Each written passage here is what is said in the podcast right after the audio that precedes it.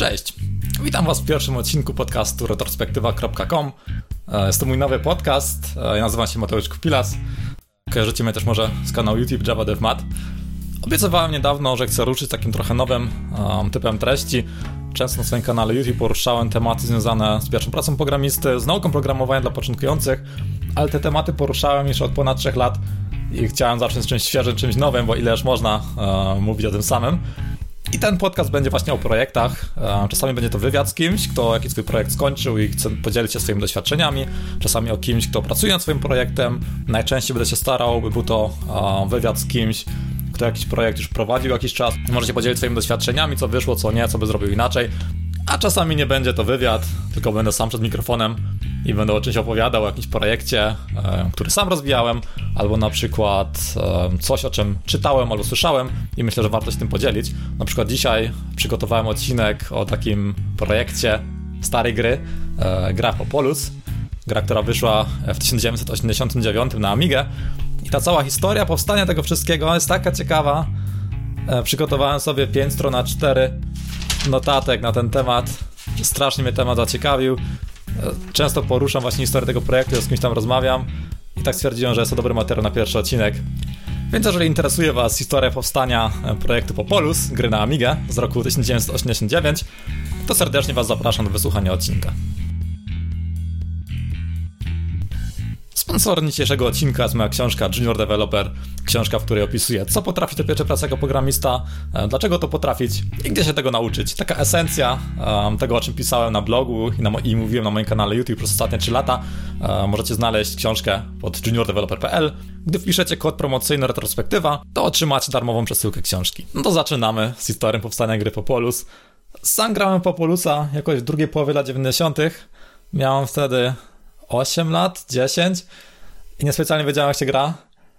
Był taki jeden z takich pierwszych god game'ów, e, gra, w której jesteśmy bogiem, jak na przykład e, Black and White, którą swoją drogą autor też przy niej pracował, autor gry Popolus, ale o tym za chwilę.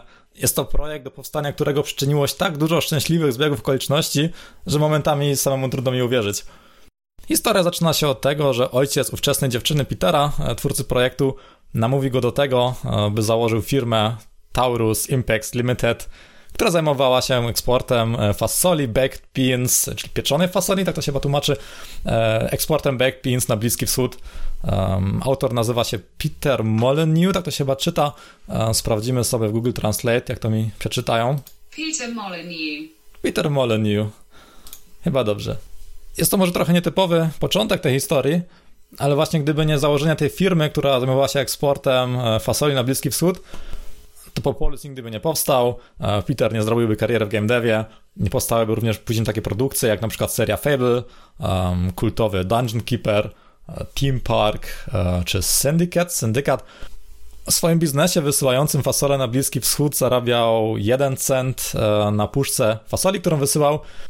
Finansowo nie wiodło mu się najlepiej, sam przyznawał, że często żywił się swoją fasolą, którą eksportował, ale pewnego dnia miał niesamowite szczęście odebrał telefon od firmy Commodore, którzy wspomnieli o tym, że słyszeli o jego firmie i chcieliby, by jego produkty znalazły się na ich maszynie, na nowej maszynie Amiga 1000 to była wtedy. Poprosili go o spotkanie, na którym mieliby omówić szczegóły. Peter, trochę zdziwiony, entuzjastycznie się zgodził na spotkanie, bo czemu nie? Jego firmie nie wiodło się najlepiej. Był trochę zdziwiony tym, co Commodore może chcieć od jego fasoli. E, sam Amigę kojarzył, kojarzył Commodore, to stwierdził, co ma do stracenia. Kolejny partner biznesowy może się tylko przydać. Zaproszono go do firmy, przedstawiono ich nowy produkt Amiga 1000 i po dłuższym spotkaniu w sali konferencyjnej zaproponowano mu, że dostarczą mu 10 Amig, 10 sztuk Amigi 1000. Od firmy Petera oczekiwali, że stworzą jakiś produkt na tą maszynę. Wtedy Commodore miał ambicje, by, by konkurować e, z IBM-em, by była to maszyna biznesowa. Chociaż nadawała się do gier, to jednak e, chcieliby rozwiązania biznesowe znajdowały się na ich Amidze. Wtedy e, Peter zauważył, że chyba nie do końca chodzi im o jego firmę, która eksportuje fasole. Okazało się, że istniała wtedy na rynku bardzo podobna firma, o bardzo podobnej nazwie, nie podobna firma, tylko inna firma, firma, która zajmowała się rozwiązaniami e, związanymi z sieciami, z sieciami komputerowymi. Ta firma też nazywała się Taurus, tylko trochę inaczej się pisało nazwę firmy i wtedy się zorientował, że nastąpiła pomyłka to spotkanie miało być z firmą, która zajmuje się sieciami, sieciami komputerowymi, A zaproszono go i miał teraz wybór. E, chce te 10 amig i coś wymyślić, czy po prostu powiedzieć, to jest pewnie pomyłka, zmarnowaliśmy trochę czasu, ale spoko. Jednak zdecydował się na to, że wykorzysta szczęśliwy zbieg okoliczności i coś wymyśli i coś na tą Amigę wyda. Minął mniej więcej tydzień od spotkania i do biura Petera dostarczono 10 sztuk Amigi 1000. Amiga, the first personal computer that gives you a creative edge. Początkowo w firmie Petera niespecjalnie mieli pomysł na to, jak wykorzystać te Amigi. Służyła początkowo głównie jako półka pod książki. Myślę, że współcześnie e, w takiej firmie taki sprzęt, e, który nie ma zastosowania, służyłby na przykład jako, jako podstawka pod monitor. Sam lubię wykorzystywać jako podstawki na przykład takie książki z baz danych, bo są często e, grube w twardej okładce i nikt ich nigdy nie potrzebuje, bo wszystko w internecie, dlatego książki do baz danych często są świetnymi podkładkami pod monitor. Jednak sielanka nie mogła trwać wiecznie. E, w końcu z firmy Commodore zaczęli wyzwaniać i pytali: Ej, stary, co to robisz z naszymi amigami? I Peter zaczął przedstawiać um, program danowy, który sobie wymyślił. Stwierdził, um, że jak coś robi, to marketingowo to świetnie przedstawi. We had 10 Amigas. There was only three of us, so I mean, we didn't know what to do with them. We sat on them, we made big bookcases out of them. So what I did was a database program. Now you can see from this advert my press persona of over-promising was already blossoming at that time because this was the ultimate database for the Amiga. I mimo braku doświadczenia e, firma Petera dostarczyła e, pewne rozwiązania bazowe, które nawet sprzedało się w paru sztukach i pozwoliło firmie przeżyć e, trochę więcej czasu. Po dostarczeniu swojego rozwiązania bazdonowego e, firma Petera miała trochę spokoju od firmy Commodore, no i myśleli co dalej. W tamtych czasach był taki zwyczaj, e, że osoby, które pracowały dużo przed komputerem, gdy miały coś do pracy związanego nie do końca z komputerem, na przykład mieli planować co dalej w firmie i tak dalej, to często po prostu przesiadywali w pubie, ponieważ jest tam przyjemniejsza atmosfera niż e, siedzieć znowu w biurze, e, w tym biurze, gdzie przesiaduje się codziennie. Tylko wybrał się do baru, wypić sobie jakieś piwo i pomyśleć, co by tu dalej zaplanować, co można zrobić w firmie. I podczas tego siedzenia w barze, myślałem co dalej, miał miejsce kolejny niesamowicie szczęśliwy zbieg okoliczności. W tym barze spotkał jakiegoś starego znajomego i pewien znajomy tego znajomego e, stworzył grę Druid 2 i szukał kogoś, kto przeportowałby to na Amigę, a ten znajomy Petera słyszał, że Peter ma Amigi, to może zająłby się portem Druida na Amigę. No i Peter stwierdził, czemu nie, podjął się tego zadania, zajęło mu to mniej więcej pół roku. E, za pół roku pracy portowania gry Druid 2 na Amigę otrzymał zapłatę 4000 funtów, pozwoliło to firmie trochę dłużej przeżyć. I przez ten port gry, przez port Druida 2 na Amigę zaczęła się fascynacja pisaniem gier. Firma Petera przestała eksportować fasole na Bliski Wschód i zmieniła nazwę na Bullfrog Productions. Teraz pewnie już część słuchaczy kojarzy, kojarzy tą firmę. E, Bullfrog Productions była to firma, która stworzyła później Team Park, Syndicata i kultowego Dungeon Keepera. Teraz w końcu zaczyna się ten Popolus, e, którą również, e, grę, którą również Bullfrog, Bullfrog Productions, Bullfrog Productions stworzyli. Pomysł narodził się podczas grania z kolegą w grę Virus. Była to taka dosyć prosta gra komputerowa, w której główną rolę pełniły takie kształty izometryczne. I tutaj kolega Petera wpadł na taki pomysł, że może zacząłby rysować sobie takie izometryczne klocki. Był to kolega, który zajmował się głównie grafiką. I wysłał Peterowi te klocki. E, Peter stwierdził, że jest to bardzo fajne i zobaczy, co z takimi izometrycznymi e, figurami można zrobić, co, co jako programista e, z tym zdziała. Peter wspomina, że był to taki dosyć dziwny czas w jego życiu. Jego dieta składała się głównie z picia coli, jedzenia pizzy, życie towarzyskie praktycznie nie istniało, ale za to istniała fascynacja Amigą i stwierdził, że zajmie się tym programowaniem na poważniej i zaczął brać się za, za język programowania C. Jego koledzy, tacy prawdziwi programiści, gdy się z nimi spotykał, e, śmiali się z niego, że co to jest, co to w ogóle za dziecinny C, powinien się zabrać za assemblera, czy jakiś kod maszynowy, ale Peter się tym nie przejął i stwierdził, że w C może zrobić coś fajnego. Wygląda mi to trochę na takie współczesne przepychanki programistyczne, że prawdziwy programista tylko jest niskopoziomowy, a ci, co korzystają z Unity, to w ogóle jacyś pozerzy. Czyli jak widać, czasy się zmieniają, a zawsze będzie istniał taki stereotypowy programista, który ma przerośnięte ego, kij w dupie i jest przekonany o swojej wyższości. Mając te różne pliki graficzne, które przygotował dla niego kolega e, po inspiracji po graniu w grę Wirus, e, zaczął brać się za tworzenie takiego krajobrazu i za, e, za elementy krajobrazu oraz wody. Woda składała się z animacji, takie dwie klatki animacji, które powodowały, że ta woda faluje. Peter podawał taką ciekawostkę, że jego kod, e, który pisał, e, był bardzo specyficzny. Każda linijka kodu źródłowego, którą Peter pisał, nie mogła być szersza niż 79 kolumn. I nie była to jakaś dobra praktyka, którą Peter sobie wymyślił. Chodził tu, chodziło tutaj o ograniczenie, e, które miał przez swój monitor, przez taki stary monitor kineskopowy, który miał podłączony do Amigi. Gdy pojawił się jakiś znak w 80 kolumnie, to ten monitor po prostu zaczął szaleć, zaczęły pojawiać takie fale, no nie dało się pracować, e, gdy pojawiło się coś w 80 kolumnie, stąd bardzo specyficzny kod źródłowy pierwszego Populusa. E, praktycznie nie było wcięć e, przez to ograniczenie, więc możecie sobie wyobrazić, jak wyglądał kod źródłowy tego projektu. Po zaimplementowaniu prostego krajobrazu i animacji wody, która składała się z dwóch klatek, zaczął implementować um, ludzi, którzy chodzą po tej mapie. Takie małe ludziki, nazwał je od Little People Peeps i te jego pipsy mogły zwiedzać e, jego krajobraz. Zaimplementował im coś takiego jak ciekawość. Było to coś takiego, e, że jakby świat był podzielony na takie kafelki, na które mogły wchodzić te jego pipsy i zawsze, gdy ktoś wszedł, e, jakiś ludek wszedł na tą kafelkę, to program sobie zaznaczał, że teraz ludzik zrobił jeden krok na tej kafelce, gdy drugi ludzik zrobił na tej kafelce krok, to były dwa kroki i logika chodzenia tych wszystkich ludzików, tego pipsów była taka, że mają wybrać kierunek, na którym e, mamy wybrać najbliższą kafelkę, na której jest jak najmniej kroków i przez to pojawiała się taka symulacja, żeby te ludziki, te jego pipsy zwiedzają cały teren, e, odkrywają cały teren, a nie idą na przykład w tym samym kierunku, ponieważ idą w kierunku, gdzie na danej kafelce jest najmniej kroków. Taki był jego mniej więcej algorytm, e, który sprowadzał się do tego, że te jego pipsy były ciekawe tego świata i go odkrywały. I to był stan projektu po mniej więcej miesiącu pracy.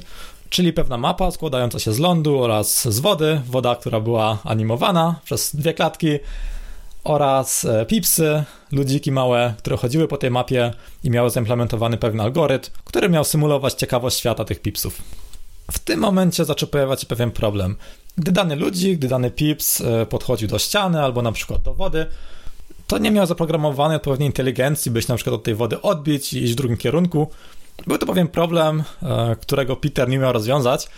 Mm, mówi, że ponad dwa dni siedział nad tym i w końcu się poddał. W dzisiejszych czasach oczywiście łatwo mówić, że można coś wyszukać, ponieważ jesteśmy rozpieszczeni przez to, że można dany problem bardzo łatwo wygooglać, znaleźć rozwiązanie, mamy masę książek na różne tematy, a wtedy, e, wtedy praktycznie tego nie było i nie znając osoby z branży, której można by było zadać takie pytanie, e, jak to rozwiązać, to praktycznie nie można było znaleźć materiałów, które by nam pomogły e, rozwiązać ten problem. I padła taka decyzja, że skoro teraz tego nie mogę rozwiązać, to zaimplementujmy coś, by działało nawet bez tego. I tutaj powstała kluczowa, e, kluczowa mechanika związana z Populusem. Mm, nazwane było to e. E, chodziło tutaj o to, że klikając lewym lub prawym przyciskiem myszki można było teren e, obniżać lub podwyższać, czyli znaczyło to tyle, że jeżeli nasz, e, nasz pip, nasz ludek był przy wodzie i nie mógł iść dalej, to mogliśmy po prostu tą wodę dźwignąć, znaczy dźwignąć teren, że zamiast woda e, pojawił się tam teren e, i tak samo można było ten teren obniżać, czyli można było e, z wysokiej góry zrobić płaski teren, niższą górę, albo można było całkiem obniżyć teren, by zamiast lądu pojawiła się znowu woda. I to stało się główną mechaniką w Populusie. Jeden sposób, jak można było wpływać na grę, prawie jedyny sposób, w jaki można było wpływać na grę, właśnie e, tak zwany nippling, czyli podwyższanie, obniżanie terenu. Główna mechanika w Populusie powstała właśnie tak, e, że główny twórca nie wiedział, jak rozwiązać pewien problem związany z odbijaniem się ludków od ścian. Mając aktualny stan projektu, zaimplementowano taki bardzo prosty multiplayer. E, mieliśmy już dwie frakcje naszych ludków. Mm, dwóch graczy grało. Jeden, co mogli robić, to obniżać teren i podwyższać teren. Ale taka prosta mechanika wystarczyła. E, by po prostu z gry było dużo frajdy. E, grając dwójkę można było podwyższać teren, by nasze ludki się nie potopiły i można było obniżać teren przeciwnika, żeby zatopić ludność przeciwnika. Ale to wciąż było bardzo mało, by mieć jakąś sensowną rozgrywkę. Więc wpadli na kolejny pomysł, by przy okazji ograniczyć ilość pipsów na planszy, ponieważ im więcej tych ludków chodzi, tym więcej musi nasza maszyna myśleć, by, by to wszystko liczyć. Więc można by jakoś ograniczyć ilość pipsów i wprowadzić nową mechanikę. I tak powstała taka mechanika, by teren wokół naszego pipsa wyrównać. I jeżeli mamy odpowiednio równy teren, odpowiednio dużo równego terenu wokół naszego ludka, to buduje on domek i nim wokół tego domku jest więcej płaskiego terenu, ten ten domek robi się większy. Jeśli chcieliśmy, by nasz pips wydostał się z tego domku, mogliśmy odpowiednio zniekształcić teren, tak samo można było sabotować przeciwnika, jeżeli miał bardzo duży domek, można było mu trochę teren popsuć, mm, albo można było e, postawić tak zwany pip magnet, taki magnes, e, gdzie nasze pipsy do tego magnesu dążyły. Był to sposób, by, by nasz pips wydostał się z tego domku, albo by w jakiś sposób kierować naszych pipsów, jeżeli chcemy, by, by kierowało się w jakimś konkretnym kierunku. Było już trochę mechanik w tym projekcie. Peter wraz z swoim kolegą e, testowali to, grali godzinami, wzajemnie się topili, budowali domki, wszystko było spoko, ale brakowało czegoś, by jakoś konkretnie wykorzystywać to, że ma się jakiś domek. I tak powstał pomysł wywoływania e, katastrof. Na przykład można było aktywować wulkan, trzęsienie ziemi, można było wywołać Armagedon, Początkowo można było te katastrofy rzucać dowolnie, ale szybko zauważyli, że trochę to bez sensu, że można po prostu nawrzucać przeciwnikowi pełno wulkanów e, i wzajemnie się wykończą, a tak naprawdę nikt nie wygra. Więc wymyślili coś takiego, że te domki budowane przez pipsów e, generują manę. E, Im większy domek, tym więcej generuje many. Im więcej domków mamy, to więcej tych domków to generuje. Więc cel był taki, by mieć dużo domków, które generują manę. I mając dużo many, im więcej many mamy, tym możemy wykorzystać, tym możemy rzucić lepszą katastrofę na przeciwnika. E, tak jak już wspominałem, jakiś wulkan, trzęsienie ziemi, jakiś Armagedon, albo można było zrobić coś takiego jak, e, jak Knighta, rycerza, który po prostu szedł w kierunku wioski przeciwnika, palił im domki i niszczył pipsy przeciwnika, więc był to taki wyścig z czasem, by szybciej niż przeciwnik mieć więcej domków, które generują więcej many i by wywoływać katastrofy, które po prostu sabotują przeciwnika. Następnie trwały prace z interfejsem w grze. Mm, pojawiła się taka e, książka, która pełniła rolę mapy, e, dużo przycisków i wspomina właśnie Peter w tym swoim wystąpieniu, że straszne to było, e, by zaimplementować właśnie taką, taką obsługę myszki, która mogła na początku być w tym izometrycznym świecie, gdzie można było obniżać, podwyższać teren, a później nagle, nagle mogliśmy być na tej mapie, się przesuwać, wybierać nasze różne rzeczy. Mówi, że zajęło mu to 3 dni, by zaimplementować obsługę myszki, która mogła po prostu się orientować raz na mapie, raz na naszym menu, e, raz e, właśnie na tym izometrycznym rzucie e, z tymi pipsami, więc teraz mamy naprawdę dużo łatwiej, doceńmy to, w tamtych czasach naprawdę, naprawdę nie było łatwo. Po 6 miesiącach pracy nad projektem, co w praktyce było tylko około 3 miesiącami programowania, ponieważ drugą połowę czasu, drugie 3 miesiące to było po prostu ciągłe granie w grę, testowanie tego, mm, Wymyślili coś takiego jak Popolus Lego Board Game, czyli przeniesienie mechanik Popolusa na klocki Lego mieliśmy platformę e, z Lego, tam mogliśmy um, odpowiednio manipulować teren, stawiać domki, zdobywać punkty.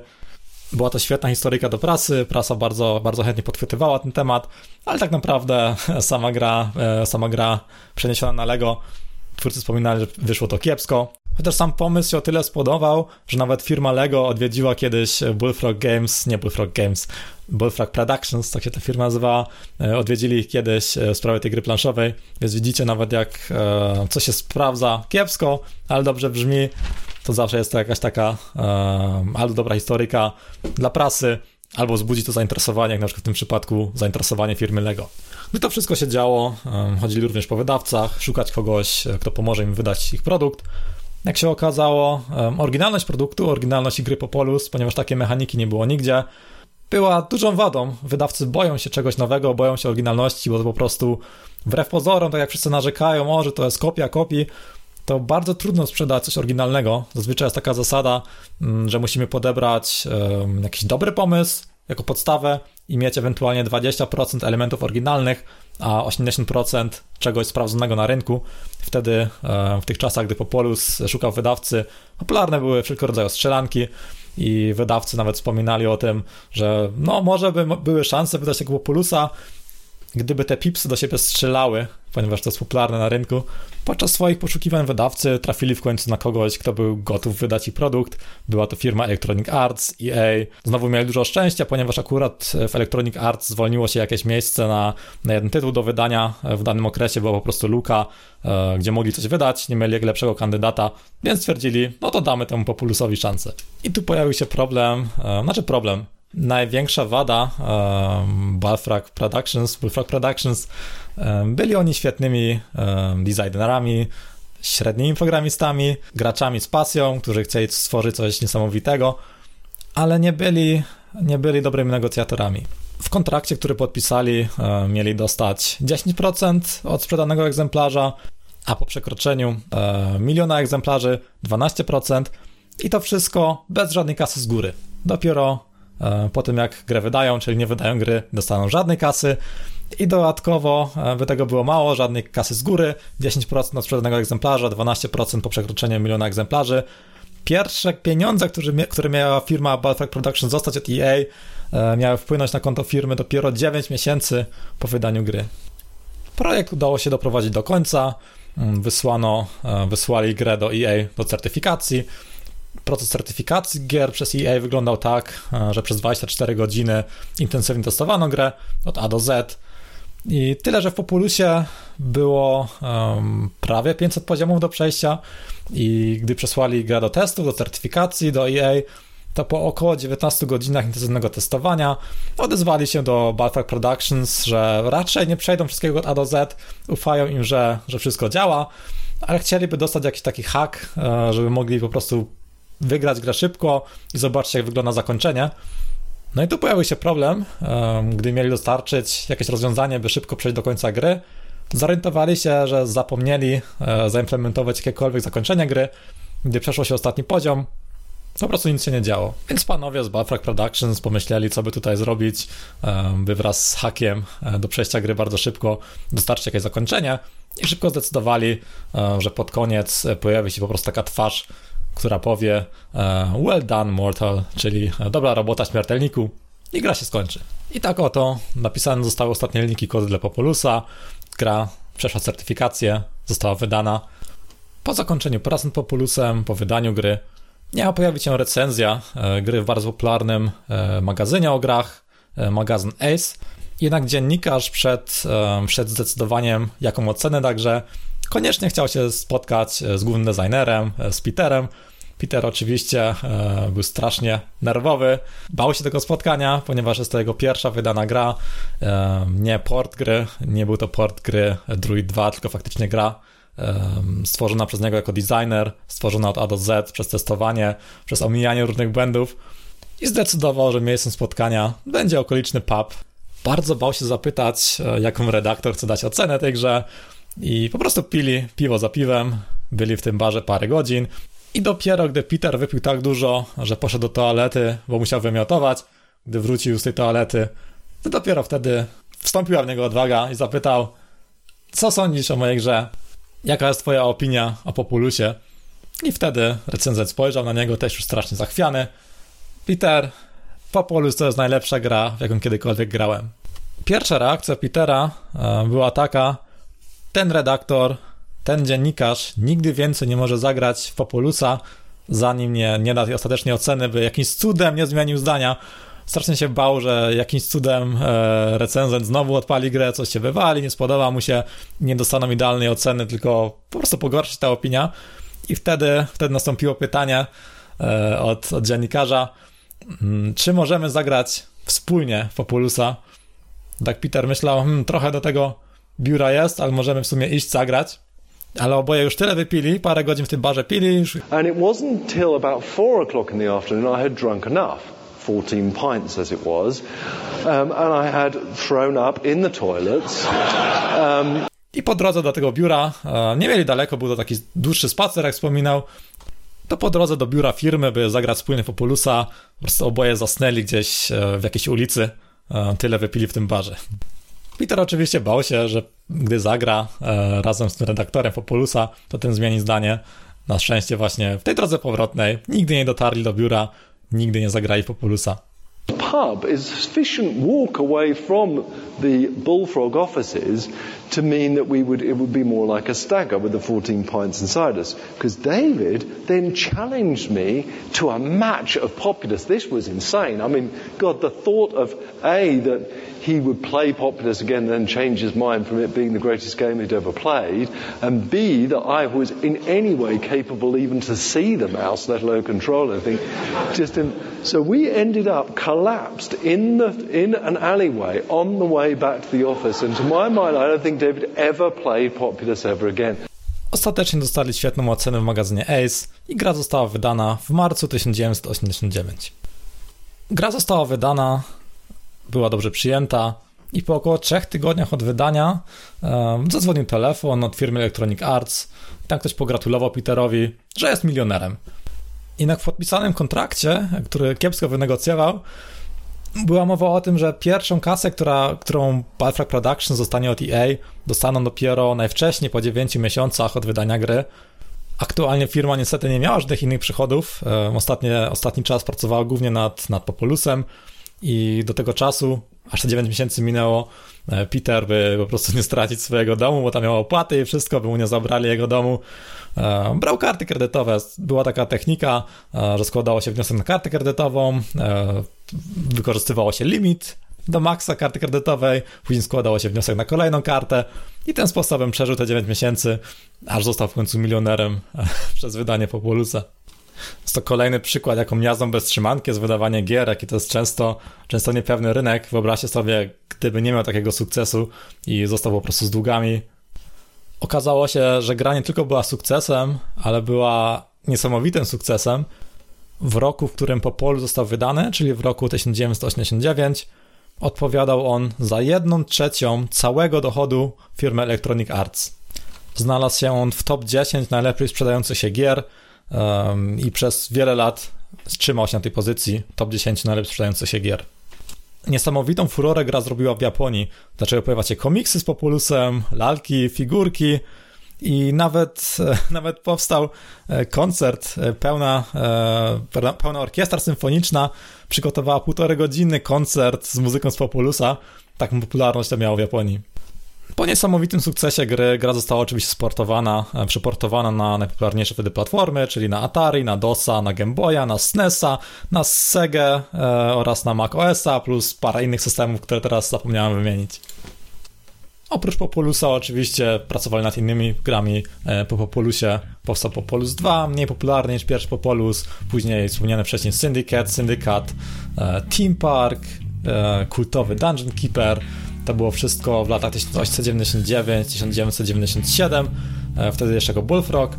Później rozstał się z firmą Electronic Arts i założył Lionhead, e, firma, która w 2001 wydała później Black and White, następnie w 2004 pierwszą grę e, z serii Fable, później drugiego Black and White'a, mniej popularną, mniej, mniej znaną grę The Movies, następnie Fable 2 i Fable 3, więc widzicie naprawdę niesamowicie znane tytuły, ikony w swoim gatunku zostały stworzone tylko dlatego, ponieważ pewien facet e, założył firmę, która eksportowała fasole na Bliski Wschód i zaakceptował, zaakceptował firmę, która chciała mu dać 10 amig, by stworzył produkt na, na tą amigę. Dużo szczęścia, dużo odwagi i widzicie, jak powstała fajna historia. I to dzisiaj już wszystko w dzisiejszym odcinku podcastu retrospektywa.com. Mam nadzieję, że się Wam podobało. Jeżeli chcecie wesprzeć ten podcast, możecie wejść na retrospektywa.com ukośnik wsparcie. Tam możecie zobaczyć, jak możecie nawet bez składu pieniężnego wesprzeć ten podcast. Po więcej podobnych materiałów zapraszam na stronę retrospektywa.com. Aktualnie jest to pierwszy odcinek podcastu, ale gdy będziesz słuchał ten odcinek trochę później, to prawdopodobnie będą już dostępne nowe. Oprócz tego zapraszam na mój kanał YouTube Java. Prowadzę tam m.in. taką serię e, Twórcy Niezależni, e, gdzie widzowie kanału przysyłają mi swoje projekty i tam omawiam, e, jak oni te projekty robili, e, jak to po kolei wyglądało, jak wyglądał progres od A do Z, jakieś ciekawostki na temat projektów. Myślę, że e, słuchacze retrospektywa.com, jeżeli ten odcinek Wam się podobał, to spodobała Wam się moja seria Twórcy Niezależni na kanale Java Dev Mat. I to tyle. E, żegnam się z Wami. Mam nadzieję, że Wam się podobało. Cześć.